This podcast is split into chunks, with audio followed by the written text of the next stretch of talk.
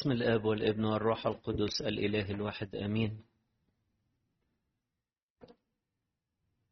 فكرة موجودة في كل قراءات الصوم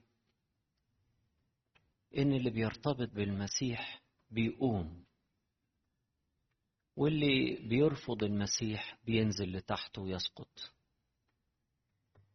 والنبوة اللطيفة اللي قالها سمعان الشيخ وقالها للست العذراء لما كانوا بيقدموا المسيح للهيكل وهو عنده أربعين يوم. قال لها إن هذا قد وضع لسقوط وقيام كثيرين. معناه إيه الكلام؟ سقوط وقيام هو جاي عشان يقوم. صح. لكن في ناس بترفضه وتسقط. في ناس. في ناس شايفة نفسها مش محتاجاه. وبيقولوا إحنا شايفين وإحنا مش بنعمل حاجة غلط. ماشيين. غرقانين في الخطية يعني. ولكن يبرروا نفسهم لك إحنا مش بنعمل حاجة غلط. إيه يعني بشرب كذا ولا بروح الكازينو ده ولا بعمل كذا ولا إيه؟ في إيه يعني؟ كلها حاجات عادية الناس كلها بتعملها. ما بعملش حاجة. وما يرتبطوش بالمسيح اللي جاي يغير حياتهم وجاي ينقذهم. من الورطة اللي هم فيها ومن الوعكة الطويلة الأمد اللي عاشوا فيها سنين طويلة. جاي عشان يغيرهم وجاي عشان يجدد حياتهم ويفرحهم يوريهم طعم جديد دنيا جديدة دنيا جديدة. الراجل المفلوج ده 38 سنة ده ما بيتحركش يابس بيشيلوه ويحطوه كده. دنيا جديدة لما يقف ويتشدد ويشيل سريره ويدخل الهيكل.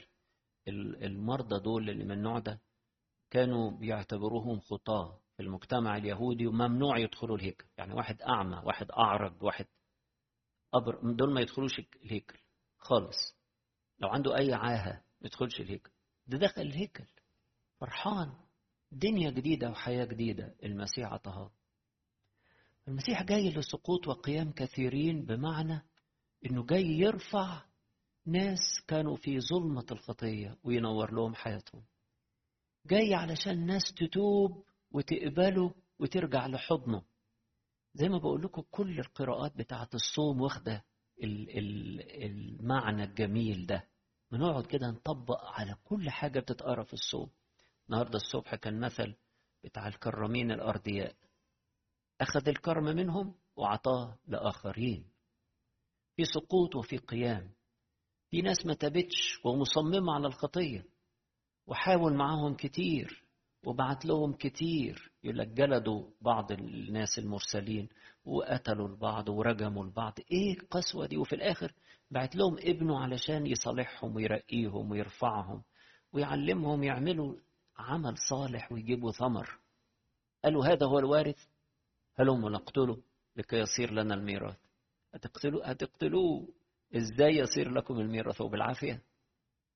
ده هو جاي بيحبكم عايز يخليكم تورثوا معاه. عايز يرقينا لمستوى الأبناء. لكن في ناس طمع وأنانية وغياب للرؤية فالنتيجة إن الإنسان يسقط ويهلك. هنلاقي بقى كتير مثلا لو خدنا الآحاد بتاعة الصوم مثلا في الحد بتاع الأب الحنون والابن الضال الكبير والابن الضال الصغير.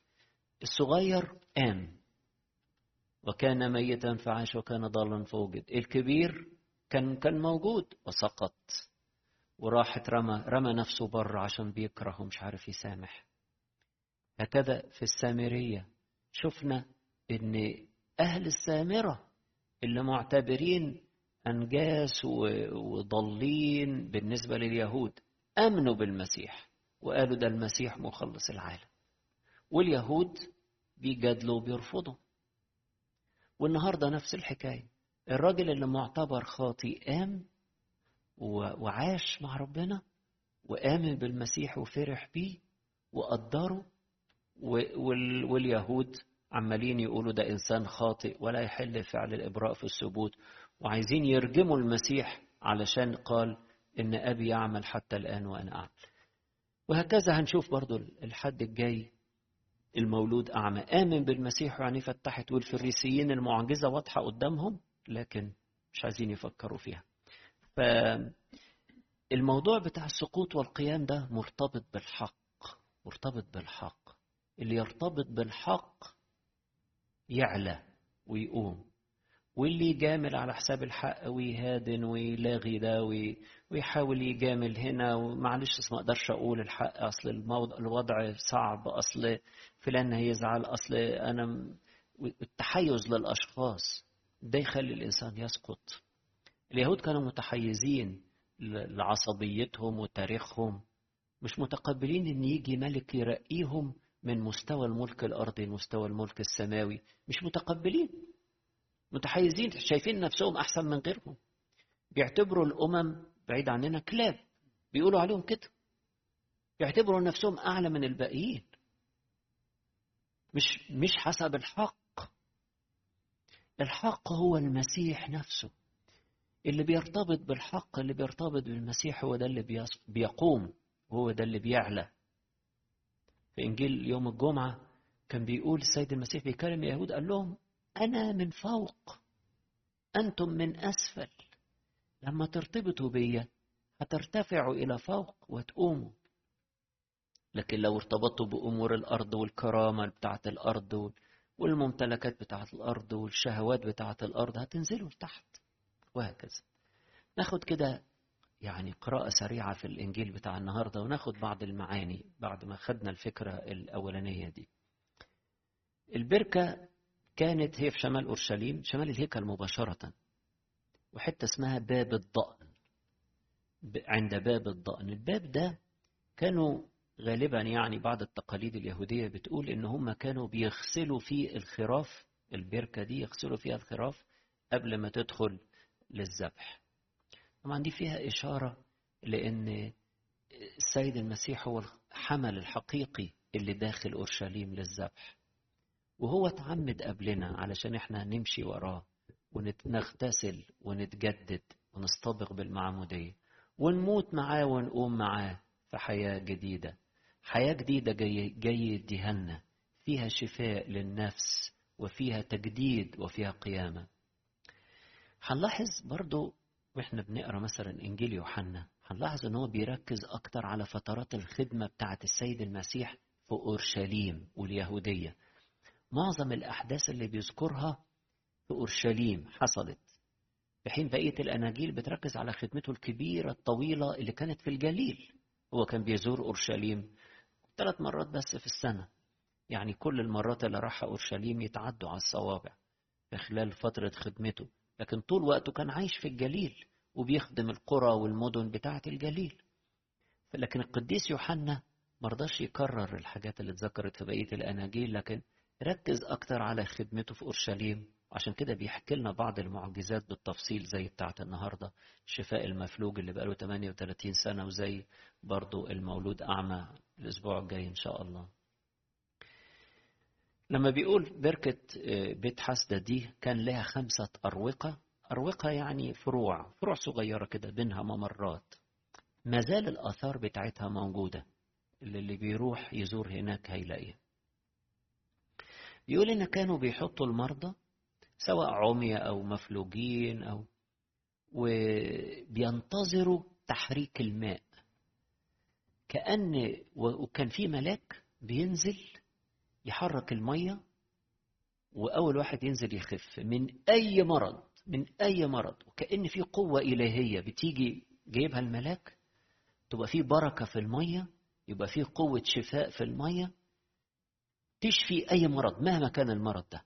بس واحد بس.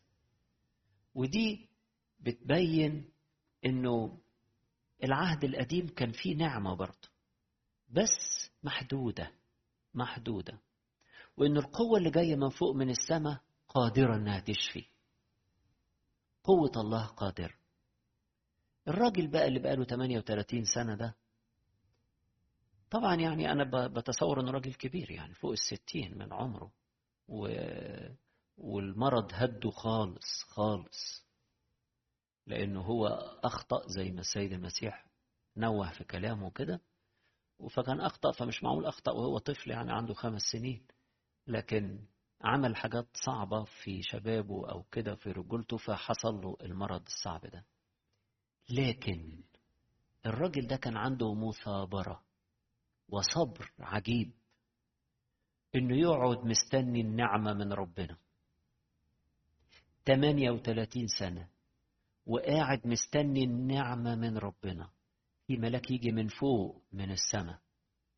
طيب يا أخي ما تقعد زي غيرك. تشحت على باب الهيكل ما كانوا بيقعدوا يشحتوا الأعمى كان قاعد يشحت والأعرج اللي بطرس شفاه كان قاعد برضه عند باب الهيكل. باب تاني يعني ما هو الهيكل ضخم قوي وكان له عدة بيبان. فكان قاعد عند باب الهيكل الجميل. يستعطي مش كده؟ كلنا عارفين القصة بتاعته وبطرس قومه. فلما قام وبقى صحيح دخل الهيكل. كانش يقدر يدخل وهو عنده عاهة. ما تقعد يا عم انت زي غيرك تشحت. الناس تحن عليك بحاجة وخلاص. لا أنا عايز ربنا. أنا مستني من ربنا. ده بيكشف لنا موضوع مهم جدا. هو ده اللي أنا عايز نركز عليه قوي النهاردة. حاجتنا إلى يسوع. حاجتنا إلى يسوع. إحنا ما نقدرش نعيش من غيره. الدنيا دي كلها تدينا إيه؟ الناس ممكن تساعدنا شوية وممكن تكرمنا شوية وممكن كلها حاجات تافهة ورايحة زائلة. لكن إحنا محتاجين يسوع محتاجين نعمة منه. محتاجينه في حياتنا. محتاجينه في حياتنا. الراجل ده ما راحش قعد على البيبان علشان يستعطي زي بقية اللي عندهم عاهات. لكن كان مستني نعمة من ربنا. وإن كان برضه في حتة كده مستني شخص يحدفه في المية. يعني مش قادر يتحرك هو.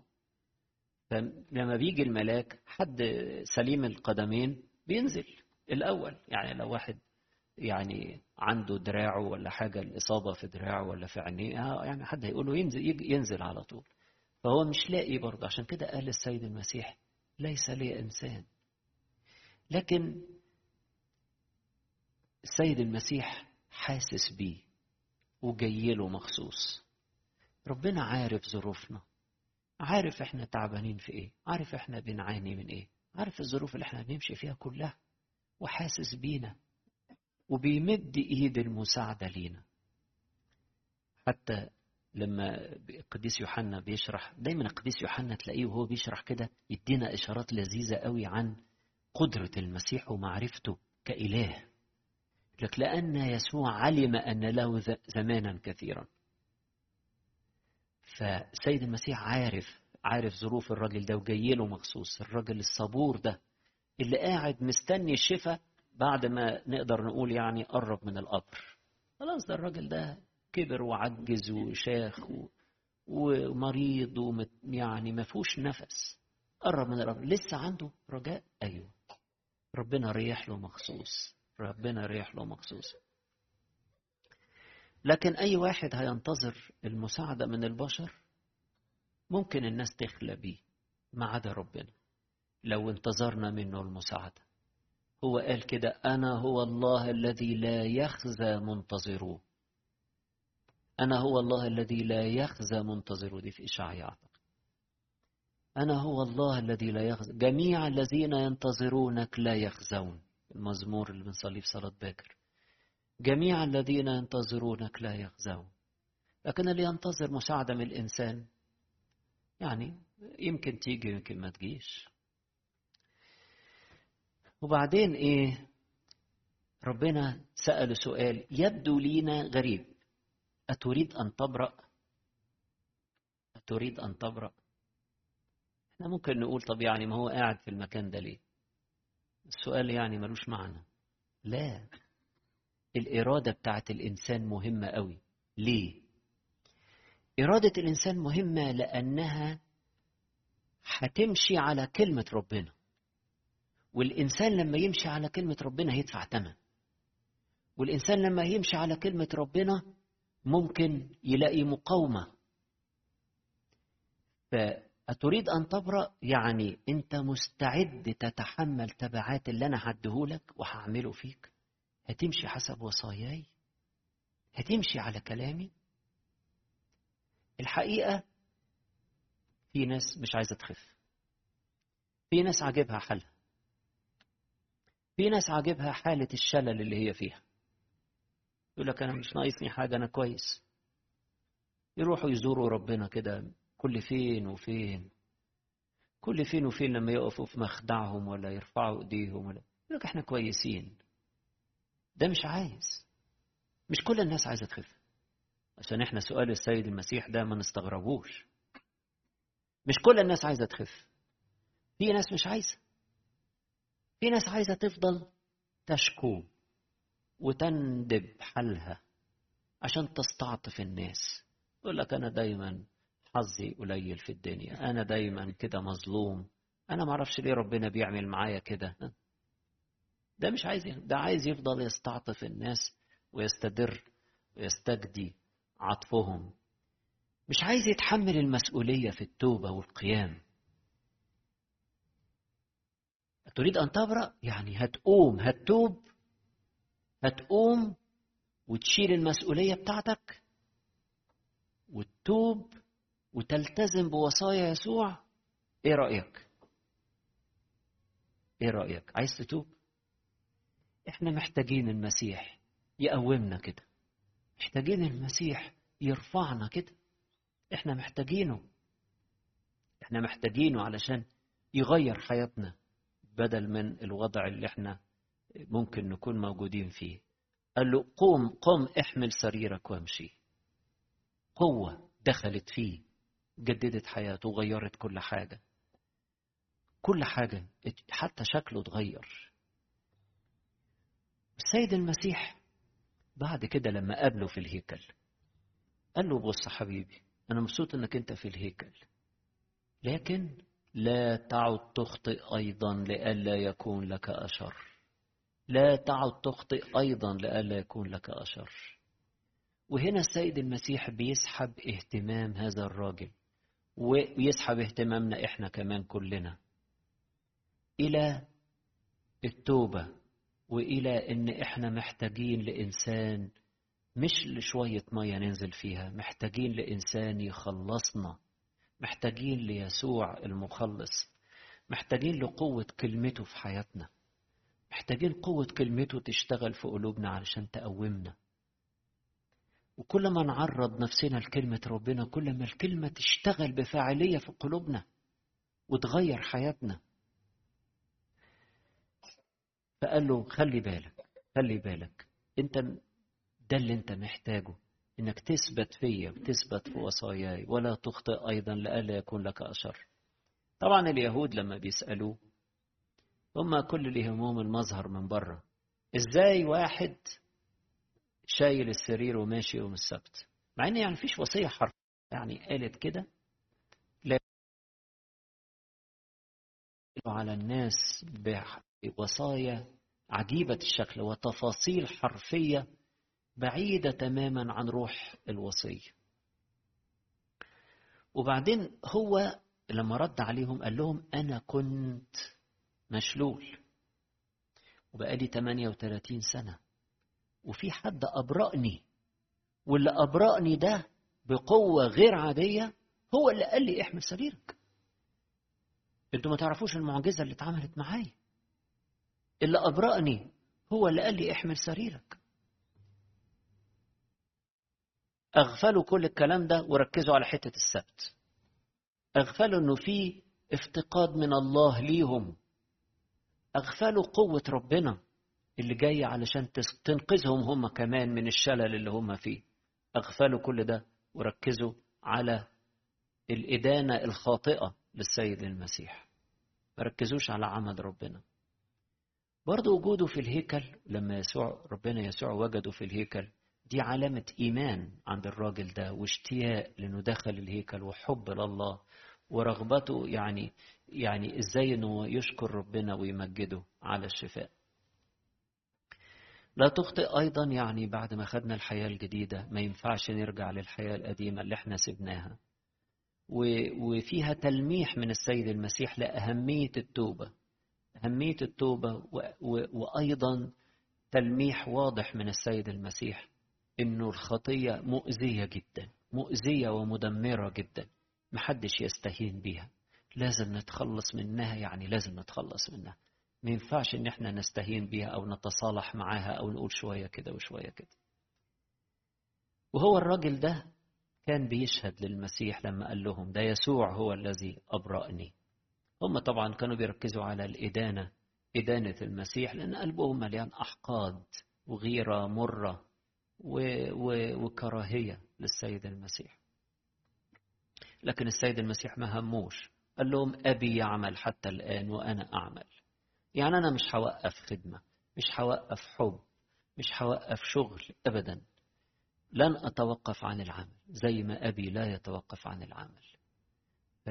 لأن هو صانع الخيرات صانع الخيرات على طول. رحوم وأعماله كلها خير وبر ورحمة. فإحنا نرجع ونقول السيد المسيح هو حاجتنا يسوع هو حاجتنا. إحنا مش محتاجين حد تاني غيره. إحنا محتاجينه هو جدا وما نقدرش نعيش من غيره. هو بيحبنا حاسس بينا بيفتقدنا وبيهتم بكل احتياجاتنا وقادر إنه يقيمنا حتى لو إحنا في منتهى الضعف وفي وفي أصعب ظروف الخطية. هو قادر إن هو يقيمنا. نقدرش نعيش من غيره. كنت بسمع أبونا بشوي بيحكي عن سنة سبعين لما كان هنا في لوس أنجلوس.